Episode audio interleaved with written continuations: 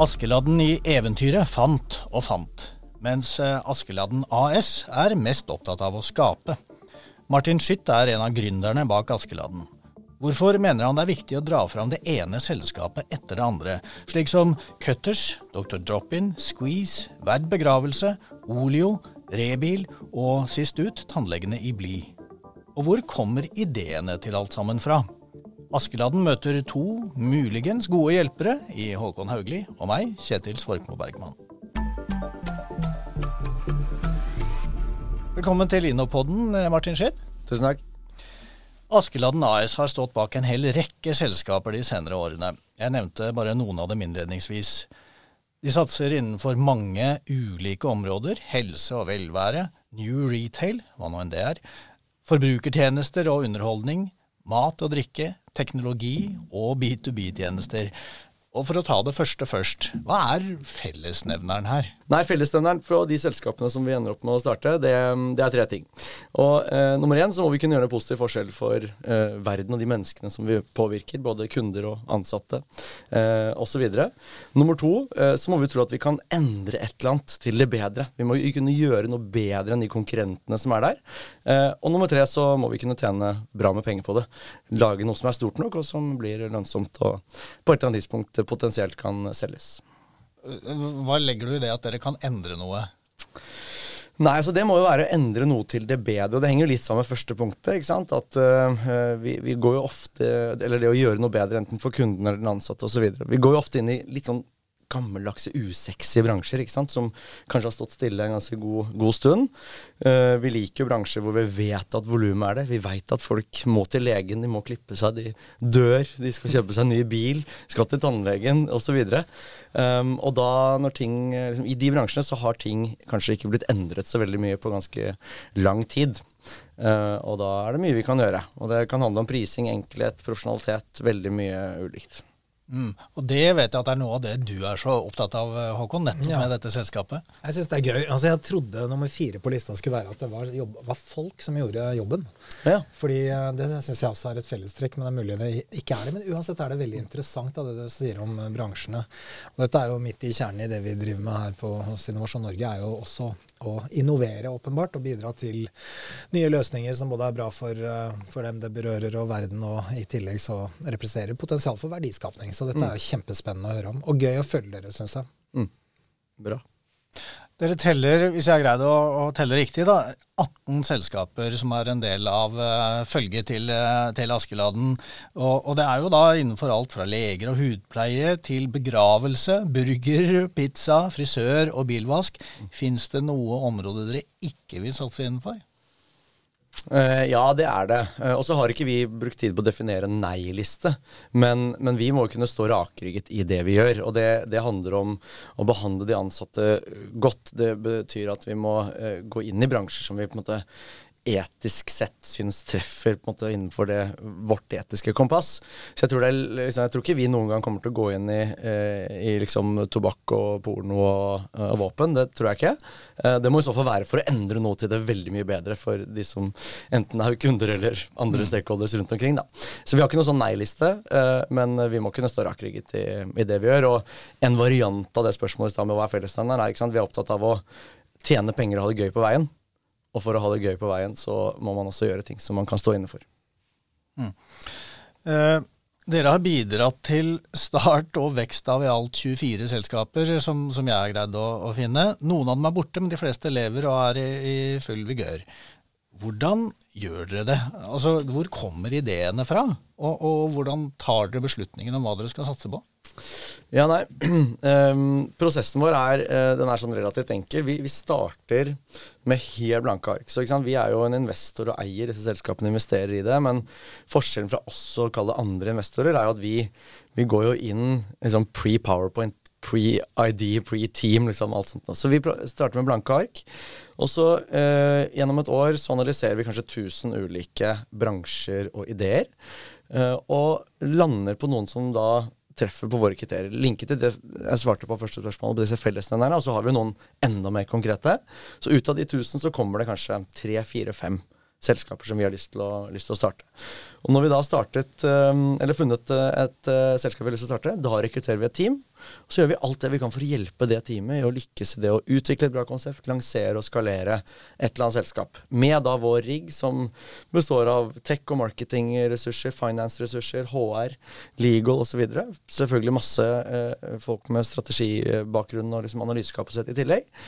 Og så eh, ser vi hvor langt vi kan ta det.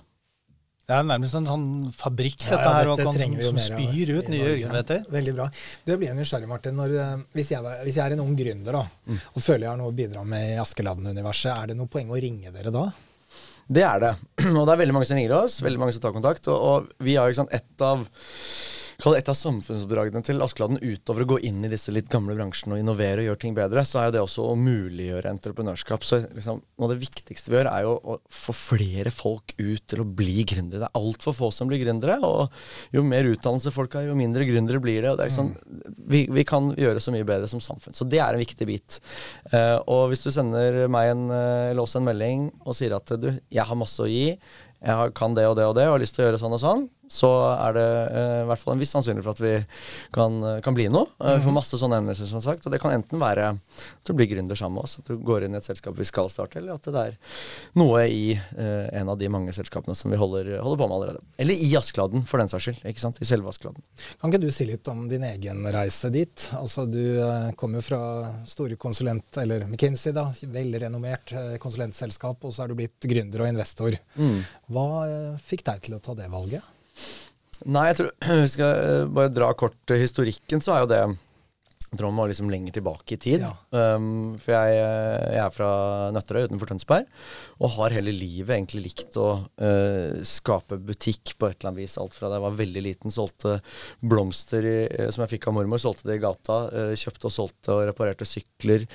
PC-er, mobiltelefoner. Etter hvert uh, som tiden gikk, eh, ble noen nettbutikker osv. Altså, alltid holdt på med det. Ved siden av skolen, ved siden av studiene. Så det var veldig tydelig for meg hele veien at det var, måtte bli gründer på et eller annet vis. Jobbe, jobbe for meg selv. Um, og i hvert fall kunne påvirke og liksom, ja, hadde liksom den kremmerskapsbiten som jeg alltid syntes var veldig, veldig gøy. Uh, så begynte jeg på Handelshøyskolen i Bergen, fordi det var et bra sted å lære business.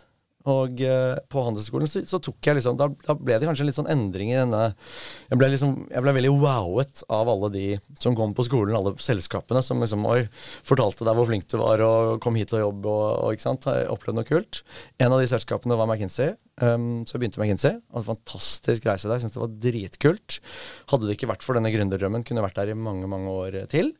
Men um, etter, etter, fire år i McKinsey så tenkte jeg da nå er det på tide. Og da begynte vi å snakke om Askeladden. Uh, og um, da hadde, var en liten gjeng som allerede hadde vært med på Cutters. Så Cutters jo, ble jo startet før Askeladden.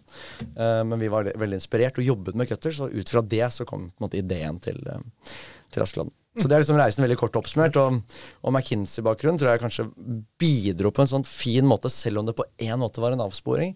Fordi da kom jeg inn og jobbet med masse tilsynelatende store profesjonelle selskaper. Mm. Og så ganske fort at herregud, hvor mye det er å gjøre. Hvis du bare gidder å innovere litt og utfordre etablerte sannheter. Så ble jeg liksom enda mer styrket i troa på at uh, her er det mulig å gå inn i veldig mange bransjer uten nødvendigvis masse bransjeerfaring og gjøre noe nytt. Men, uh, fortell enda litt mer om hvordan dere jobber med selskapene. Altså, hvor, hvor, tett på gründerne og, og, utviklingen av de ideene og alt sammen er dere? Nei, vi, vi, er, vi, er, veldig tette, så vi sitter også sammen. Alle sammen sitter, sitter i det samme bygget, eh, ut, bortsett fra noen av de selskapene som har blitt store, som har flyttet ut. Um, og helt fra start så er man jo da en Vi er en sånn fullintegrert gjeng. Uh, og når man skal da utvikle selskapet helt fra starten, når man ikke vet hva det skal hete, hva det skal koste, hva slags tjenester, forretningsmodell osv., så, videre, så er det måte, det er en, en tredelt prosess. Det ene prosessen er jo en sånn brand-prosess, hvor vi jobber med noen ulike samarbeidspartnere og sånt noe. Finne ut av hva det skal hete osv. Nummer to er en analyseprosess. Hva skal det koste, business case osv. Og, så og har vi, det har vi jo gjort veldig mange ganger. Um, og nummer tre er en sånn konkurrent- og innsiktsprosess. Og ofte har vi den med oss fra researchen vi gjorde før vi bestemte oss for å starte noe. For vi er ganske opptatt av å ha noen å se til. Ikke sikkert vi kopierer, men det er ofte vi lar oss inspirere av noen som har gjort et eller annet lignende et eller annet sted i utlandet. Uh, så de trenger ingrediensene, sammen med masse problemløsning og diskusjon um, Når vi sitter ved siden av hverandre på pulten, så det går veldig effektivt og greit. Det leder til disse konseptene. Mm. Hva har vært det aller, aller morsomste du har gjort det siste året? Siste året? Mm, eller to, da. Ja, nei, altså siste året har jo vært et, eh, et um, krevende år mm. som uh, i startup-verden, i hvert fall når det kommer til å skulle hente kapital, f.eks. Jeg tror liksom det morsomste jeg har gjort det siste året, må nesten ha vært egentlig selve den reisen, faktisk. Ja. Selv om den har vært superkrevende, ikke sant. Når kapitalen omtrent forsvinner, uh, og prising går ned, og alle investorer spør om lønnsomhet før vekst, og det liksom Det blir annen, et annet fokus. Uh, men jeg får litt energi av det. Jeg får energi når det blir skikkelig vanskelig. Uh, og når ting står på litt. Og vi har gjort masse endringer i mange av selskapene. Det har vært nedskjæringer og innskrenkinger og store endringer. Og det har vi samlet under en litt sånn felles paraply som vi kaller for Project Independence, som handler om å bli uavhengig fra kapitalmarkedene, i hvert fall på den korte banen. Tjene våre egne penger. Um, og det prosjektet, mm. som dyrker det på tvers av alle selskapene, det, det har vært veldig krevende, men veldig gøy. Mm, så gøy. Dette ser jo vi i Innovasjon Norge, og akkurat denne, dette skiftet. da, mm. Med både kapital Altså vanskeligere å få invest, investorer. Eh, men hvor, eh, hvor, det gjør da, at de, de, beste prosjektene får fortsatt uh, kapital. Mm. Men det andre effekten, som du også beskriver godt, er jo at det gjør at uh, framfor å ha en vekststrategi som består av topplinjevekst og in investorfinansiert topplinjevekst over mm. tid, så kommer dette med bunnlinje veldig mye mm. tyngre inn da, mm. tidligere enn det det har gjort, ja, ja. gjort før. Så det er artig at du beskriver det. Jeg skjønner godt det er gøy. Men på, liksom på, hvis du tenker i porteføljen, da, hva, hva, kan du trekke fram ett, eller gjerne flere, da, prosjekter som har vært truffet deg verdimessig, som har vært ekstra gøy å jobbe med? Altså, jeg jobber masse med Dr. Robin, ja. uh, og, og, det uh, treffer meg altså bra liksom, verdimessig. For ja. der er vi på en måte er, der er vi på et virkelig oppdrag å mm. demokratisere privat helsevesen og til det bedre for egentlig hele helsevesenet. Vi har jo, mm. tror vi, uh, Hadde ikke vært for oss, så er det, hadde også liksom teknologisk utviklingen hos fastlegene rundt omkring også vært mye mye dårligere. ikke sant? Så, mm. så der, er det, um, der er det veldig mange historier. Altså Vi har jo uh, Når uh, Ukraina-Russland-krigen brøt ut, så var vi første som kommunen, altså Ullensvåg kommune ringte til og spurte om vi kunne være mottaksleger på, på mm. Gardermoen f.eks. Vi har gjort en del sånne ting. Under covid var det jo masse. Så vi gjør en del sånne ting også, som mm. med vårt apparat er veldig enkelt å gjøre, men samtidig veldig, veldig meningsfullt. Så, ja. ja det er noen utrolige volum. Jeg var selv kunde på Dr. Drop-in på Gardermoen og så mm den enorme hallen med test. Og liksom ja, det var fabrikk. Sluset eh, gjennom den ene Eller alle faktisk flypassasjerer ja, som ikke hadde ja. ja. nei, covid var, COVID var, ekstremt eh, for Dr. Robin, det var det. Ja. Det var på, på, flere vis finansielt, selvfølgelig. Uh, endte opp med å klare å tjene ganske bra mm. med penger i den perioden. Og så var det jo en, en, krevende periode for å kalle det resten av selskapet. Ja. For det var jo ikke noe vekst i resten av selskapet. Selskapet sto helt stille. Det var masse covid-inntekter. Og så mm. Uh, handlet om å liksom vedlikeholde det som var, og så er man nå tilbake i en, en ganske heftig vekstperiode uh, ja, Helt i tråd med covid-kurven. Ja, ja. Absolutt. Absolutt. Tidligere i høst så skrev Finansavisen at 17 av de 18 selskapene i Askeladden-familien taper penger. Stemmer det? Ja, det var en høyst faktuell forside. Det var det. Absolutt. Ja. Det, er, um, det, er, riktig. Mm. Hvor, hvor lenge kan dere leve med det, da? Uh, nei, Mener du fokuset til Finansavisen, hvor lenge vi kan leve med det? Eller med underskudd? nei, nå har vi, vi, som en del av dette Project Independence, da, så har vi faktisk oppe denne forskjellen ganske ofte. Ja. Og jeg har den som mitt uh, profilbilde på Slack, vår interne kommunikasjonsverktøy. Uh, og vi driver og oppdaterer den hvor vi endrer denne 17 ja. nedover, da, ikke sant? etter hvert som færre og færre av selskapene taper penger. Så nå er vi på 11 så nå er det 11 av 18 som, som taper penger. Så vi liksom jobber oss uh, til dit. Og det er ikke sikkert at alle selskapene liksom det neste år eller, eller to for den saks skyld skal tjene penger, men, men uh, det er et uh, ekstremt mye innsats i retning av å tjene penger nå. Ta avgjørelser på en helt annen måte. og kapitalmessig så, så, liksom Det er litt som du sier, Håkon. Mm. Gode case får fortsatt kapital. Så det er jo Vi har hentet masse kapital det siste året også. Vi har det. Det bare tar dobbelt så lang tid, og det er litt vanskeligere. Uh, og det må gjøres med en litt annen story, og, og, og du må endre selskapets fokus litt. Men kapitalen er tilgjengelig, og vi er godt kapitalisert opp, så vi kan leve, vi kan leve en god stund um, uten, å, ja, uten, å, lide under de faktaene da 17-18-selskapet tapte penger i fjor. Hvis jeg kan benytte anledningen til et generelt poeng, da, så er det dette med hvordan næringslivspressen og andre opplever tape penger. Altså Hvis man skal lansere et produkt eller en tjeneste som tar lang tid å få ut i et marked, så vil det normalt være sånn at et selskap bruker noen år da, på å komme i posisjon til å gjøre det. La oss bare ta noen eksempler som overhodet ikke er relevant for Askeladden, men generelt ta en kreftmedisin.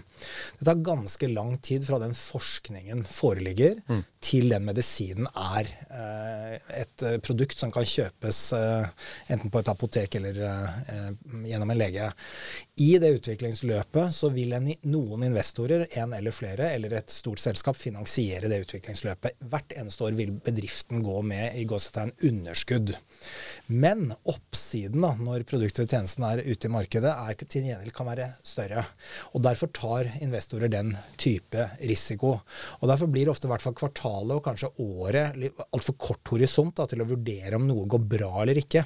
Og Dette kan irritere meg av og til. Når jeg leser næringslivsprogrammet, er veldig opptatt av å slå opp de røde tallene, så vet man det ligger en langsiktig investor bak, og det ligger en strategi som innebærer nettopp at man gjennom disse tidlige årene skal gjøre store investeringer i folk, i teknologi eller i produkt, som gjør at man kommer i posisjon da, til å øh, lykkes kommersielt i neste neste, neste runde. Mm. Så dette er en oppfordring til alle som måtte høre på dette. Lese litt med en klype salt. Da. Dette er ikke direkte til Askeladden, men mer generelt. At uh, Ha med det i bildet. Da.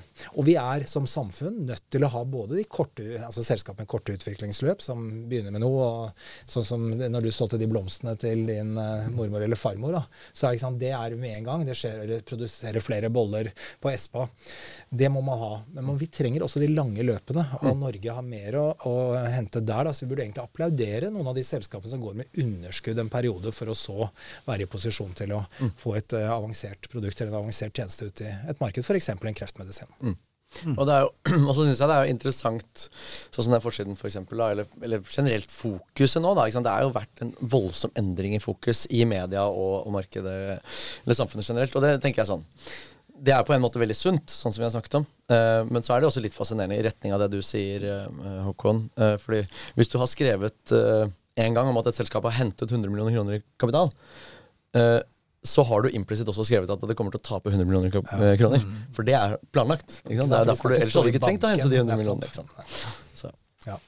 Men er det, er det, først og fremst mediene som omtaler det på den måten, eller er vi sånn generelt litt utålmodige når det gjelder dette med å, å bygge selskaper og få lønnsomhet her i landet? Ja, det er så et veldig godt spørsmål. Jeg tror det er litt kulturelt også. Altså, av og til når jeg snakker om entreprenørskap, så henter jeg fram denne fremmedordboka da, som uh, Kunnskapsforlaget ga ut i 1986, hvor det står at uh, en gründer er en person som starter svindelforetak. Mm. Dette er ikke tøys engang, altså. Det sto det. Det er en deldefinisjon. da, Så sto det at begrepet var hentet fra engelsk eller tysk. Og 86 er jo ikke sånn evig lenge siden. Det er jo mange mennesker som lever i dag, som levde i 1986. Så det sier jo litt om at vi kulturelt kanskje kanskje har ikke dette med næringsvirksomhet og gründerskap hatt den høyeste statusen i Norge. Og det igjen tror ikke jeg handler om at nordmenn eh, ikke forstår verdien av entreprenørskap, men næringsliv generelt er, er, er, kan være fremmedgjørende da, for mange, og kanskje særlig media da, som skriver om det. Mange har ikke selv næringslivserfaring, forstår det kanskje ikke helt. Uh, og og tilsvarende tenker jeg også i politikken og på andre arenaer at vi trenger et, altså folk som har drevet med det for at de skal forstå, forstå det godt. Så her, er det, her er, tenker jeg samfunnsmessig vi har en jobb å gjøre. Da. Og, og, det, og det, er jo et, utrolig viktig, ja, bare for å ha sagt det òg. Uten et eh, verdiskapende næringsliv det, blir det jo heller ingen velferd. Og den koblingen der, den, den bør alle ha først i pannebrasken her i landet. Mm. Og så vet jeg ikke om Altså, jeg jeg syns ikke det er noe ille fokus på liksom, om man er utålmodig. Jeg syns det er greit å være utålmodig, jeg, altså. Uh, og jeg opplever at så lenge uh, Altså, de profesjonelle investorene der ute, de på en måte fordi så, så, opplever jeg ikke at dette er noe, måte, noe feil fokus eller noe sånt. Nå. Markedet endrer seg nå, og da er det mer fokus på lønnsomhet akkurat nå, og det er helt greit. Og, og, og sånt, måte, Den type uh, svingninger har alle som har drevet med næringsliv i alle år måttet uh, håndtere. Uh, så jeg tenker at det er helt greit. Jeg er ekstremt utålmodig selv på, på den lønnsomheten, så vi kan mm. ja, bare gi gass. Når du tar med deg den utålmodigheten da, og har vært med på å, å gründe og etablere en rekke selskaper, hvordan opplever du betingelsene for det, forholdene for det å etablere nye selskaper i Norge? Mm, og du tenker da på, øh, på liksom øh, fra skatter og avgifter og, og byråkrati osv.? Ja, alt sammen. Ja, ja, mm. ja. Nei, altså Jeg syns jo overskriften er at det er helt supert. Altså, øh, jeg tror ikke øh, Det er sikkert ulike øh, grupper som vurderer å starte, som vil ha ulike problemer med ulike ting. Men for oss så er det ikke noe Det er ikke noen ting som oppleves som reelle hindre. Det er det ikke. Det er en del ting som kan bli bedre, absolutt, men det er sånn Det tar liksom ti dager å starte et nytt selskap i Altinn. Det er dritenkelt, ikke sant. Um, og så er det sånn uh, ikke sant? Formuebeskatning av kapital som ikke fins. Uh, I vårt tilfelle så er, er det betales det en del formuesskatt rundt omkring hos ulike uh, gründerne osv. Og, så og det er bare fordi de har hentet mye kapital, som er jo planlagt å gjøres om til tap, som vi akkurat snakket om. Det er veldig dumt å beskatte den runway. Det er en runway-beskatning når du har hentet mye penger til et selskap og må betale formuesskatt på det. Så den er veldig dum. Opsjonsbeskatningen er et annet tema som, som også bare liksom, bør fikses. Det er veldig dumt at uh, de grensene som nå foreligger for å kunne ha en gunstig opsjonsbeskatning, er så lave at de, det, det, det funker bare for veldig lavambisiøst uh, liksom, nivå. Um, men liksom, utover det, som er liksom i mitt hode sånn Det er ikke noe reelle hindre, som sagt. Så er det, og det er sikkert masse andre ting. Men overall bra, altså. Mm. Uh, Innovasjon Norge jobber jo også masse med gründere, uh, Håkon. Og, vi har faktisk bidratt med i hvert fall noe penger til, til Cutters i sin tid. Hvorfor er det viktig at en aktør som Innovasjon Norge skal bidra til, til oppstarten av denne typen selskaper? Um, ja, Det aller beste er jo om markedene fungerer uten uh, type offentlig støtte. Men vi vet at uh, det er noen uh, markedssvikter eller noen behov som, som, hvor vi kan bidra til å gjøre det Martin kaller runway noe kortere da, ved å gå inn. Og det er i fellesskapets interesse. Fordi disse bedriftene skaper arbeidsplasser og verdier og potensielt eksportinntekter og annet av stor betydning. Eller bidrar til at folk bor i deler av landet hvor det trengs at det bor folk. Mm. Så det er begrunnelsen for at det offentlige har den type ordninger. Og så er det sånn Vi skal gjøre så, kan si, så lite som mulig, men så mye som nødvendig for å utløse prosjektene. Det vil si det er ikke et mål for oss at alle norske selskaper skal ha, bruke, bruke, våre ordninger. Tvert imot. Det beste er som sagt at de ikke gjør det. Og det er heller ikke et mål at de bruker for de størst, størst mulige tilskudd eller lån, men nok til at prosjektet realiseres. Og jeg kjenner ikke Cutters historie. Jeg syns det er veldig stas, det må jeg bare si, at vi er inne i den type, type prosjekter. og det er viktig. Men jeg behandler ingen saker, da. Men vi, i det store bildet så er det sånn Norge har Et av Innovasjon Norges mål kan jeg si, er eh, flere gode gründere. Og Hvorfor er det viktig? Jo, igjen fordi det henger sammen med så mange andre samfunnsmessige hensyn da, som det offentlige er satt til å, å ha noe, en mening og en strategi for å møte. Og vi er det verktøyet da, som jobber med det. Så det vil si at hvert år så forholder vi oss til tusenvis av gründere gjennom hele vår rigg i Norge, og for så vidt også vår rigg i utlandet. Og, og, vi følger ganske nøye med da, på hva som skjer, i, skjer, på entreprenørskapssiden. Og det jeg kan si om det, er at det har blitt faktisk veldig veldig mye bedre. I løpet av eh, en fem til tiårsperiode så har Norge gått fra å ligge ganske langt bak sammenlignbare land det vi kan kalle økosystemet, til å være til å si, at vi har et velfungerende økosystem, da, takket være Askeladden, andre investorer, men også sånne ting som inkubatorer, co-working spaces, altså steder gründere kan jobbe. Utdanningsinstitusjoner går tyngre inn på entreprenørskap. Man er mer opptatt av kommersialisering av forskningen før. Så det har vært veldig, veldig mange ting som har gått i riktig retning.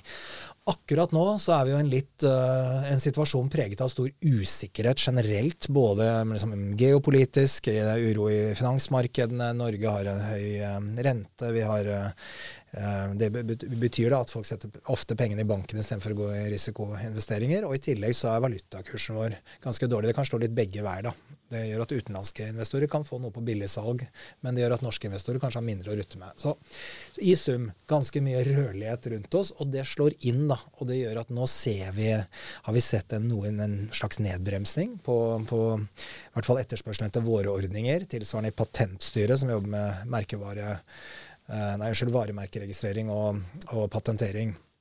Så det er jo et spørsmål vi sitter med nå. da. Er vi, er vi på et vippepunkt? Mm. Eller, er vi, er vi, eller, er dette bare et, et, tilfeldig avvik fra en lang, positiv utvikling? Og det vet vi jo ikke før, før vi ser hvordan det går. Mm. Men det, med alle de ordene prøver jeg egentlig bare å si at gründere er veldig viktig for Norge, og en kjerneoppgave for Innovasjon Norge å bidra til flere gode gründere. Og så er man vel bare, for å kommentere på det, da, at det har liksom vært en sånn ah, 2023 er sånn dårlig år og sånn. Ja, det er alle de rødlige faktorene som du snakker om, Håkon. Men, men hvis du ser eh, på liksom, kapitaltilgang, nye selskaper osv., så, videre, så så ja, det var helt ekstremt i 2021. Mm. Og første halvår 2022. Men hvis du bare gidder å spole deg tilbake til liksom, før covid, så er vi jo bedre enn det. ikke sant? Ja, det Flere selskaper som startes i år enn uh, en det det var før covid. ikke sant? Mm. Så det er, det er, ikke så hakkande gærent, tror jeg. Så jeg tror liksom det kommer seg. Enig. og det går godt i norsk økonomi, og det går godt i norsk næringsliv. Det er viktig å ha med her. Da. Så jeg tror det er mer en u, sånn psykologisk opplevd mm. uro liksom, enn at det slår ut i tallene mm. ennå. Mm.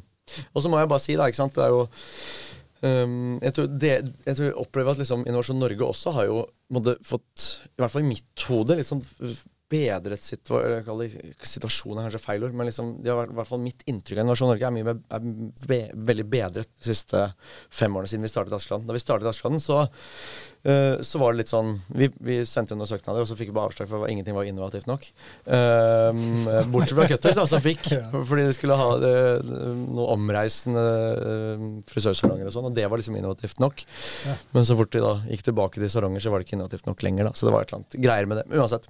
Men nå nå opplever jeg en, en, annen bredde kanskje i det virkemiddelapparatet som dere har, i type ordninger. Og sist ut nå, Dr. Droppen fikk jo 25 mill. I, i låneramme for sin utenlandssatsing. Mm. Og det er jo faktisk kapital som, som, utgjør en forskjell på om det blir gjort eller ikke. Ja. ikke og da har dere jo ekstremt bra impact. For det er, det, ja, I kanskje 2021-kapitalmarkedene så kunne vi bare henta de penga enkelt selv, og vi kunne sikkert gjort det nå også. Vi kunne det, men, men, det hadde vært en mye kre, mer krevende prosess enn det det ellers ville vært. Altså. Så sånne, mm. sånne, virkemidler det får en liksom reell impact. da. Mm, når det blir den type størrelse på tallet også. Ja, Nå kjenner ikke jeg akkurat den låneordningen, men vi har jo innovert litt på selve låne, lånesiden. da, fordi mm. vi ser at og Det er flere grunner til det. Det ene er jo, som du er inne på, det er uh, utløsende for noe som ellers ikke ville skjedd. Men noe annet det som er viktig for et selskaps kapitalstrategi, er at det ikke utvanner eierskapet. Mm. Altså Lånet gir kapital, og den kan være kort eller lang, litt avhengig av hva slags ordning det er, men den gjør at eh, gründerne fortsatt eier samme andel, mens en investor vil typisk fortrenge mm.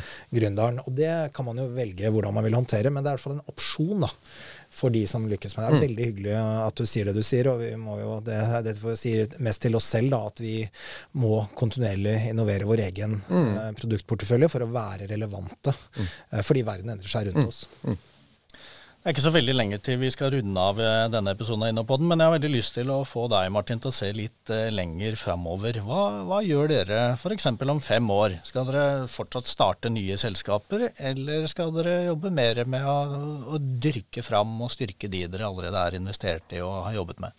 Nei, så Det der er jo en, en hele balansegang. ikke sant? Um, og handler litt om vår kapasitet, hvor selskapene hvor stadiet de er på. Akkurat nå så er det jo en, en tid hvor vi har utelukkende fokus på eksisterende selskaper. I år så har vi startet uh, to selskaper, kommer til å starte ett til.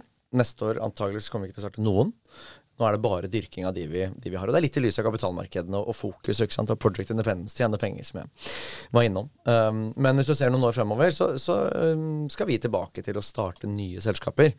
Og så vil jo bare ha naturligheten i at man har startet mange, og man uh, er ikke alle som legges ned og selges med en eneste gang, så vil man jo alltid tyngden vil jo ligge hos de eksisterende selskapene. Det vil det. Men uh, tre til fem selskaper i året, det, har vært, uh, det var det vi sa i DN i 2016. Og det sier vi fortsatt, og det kommer vi til å gjøre i årene som kommer også.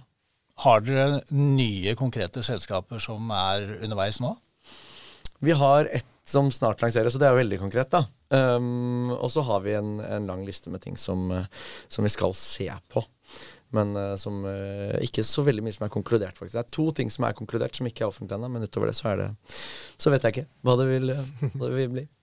Ja, Får jeg deg til å røpe noe mer om hvilken bransje eller hvilken retning dere går i? Ja, absolutt. Så de, de, begge de to, faktisk, de som skal eh, startes um, nå um, og er godkjente, de, det er innenfor uh, B2B software. Så det er, det er egentlig eh, programvare som vi har laget internt hos oss for våre egne selskaper. For å forbedre driften deres og et par andre greier. Og så ser vi at det fungerer superbra. Og det tror vi kan være kommersielt verdifullt for eksterne selskaper også. Og nå driver vi og lefler litt med den tanken. Har noen eksterne pilotkunder på et av de um, tjenestene, og lanserer nå veldig, veldig snart det ene, i hvert fall. Mm. Okay. Ja, Veldig gøy. Vi skal nok følge med på Askeladden videre. Ja, her i Askeladden som måtte kappe åt med trollet, og, men fikk prinsessen og halve kongeriket. Mm. Ja, jeg tøyser her. Men det er jo litt sånn, man får jo litt assosiasjoner til eventyret. da, med både, liksom, Dere konkurrerer jo med store mm. eh, inkubens eh, som har, eh, eier markedene. Så kommer dere inn som en utfordrer. Det er sikkert ikke tilfeldig valgt navn på selskapet, slår det meg. Men så går det jo bra da, med Askeladden, og det må vi jo krysse fingrene for at den der eh, avissiden blir kortere og kortere, og at det ja, ja. lykkes. Det er veldig gøy. Det satser vi på. Takk for at du var med oss i Innopoden, Martin Schytt fra Askeladden AS, og takk til Håkon Haugli. Mitt navn er Kjetil Svorkmo Bergman. Vi høres igjen i Innopoden.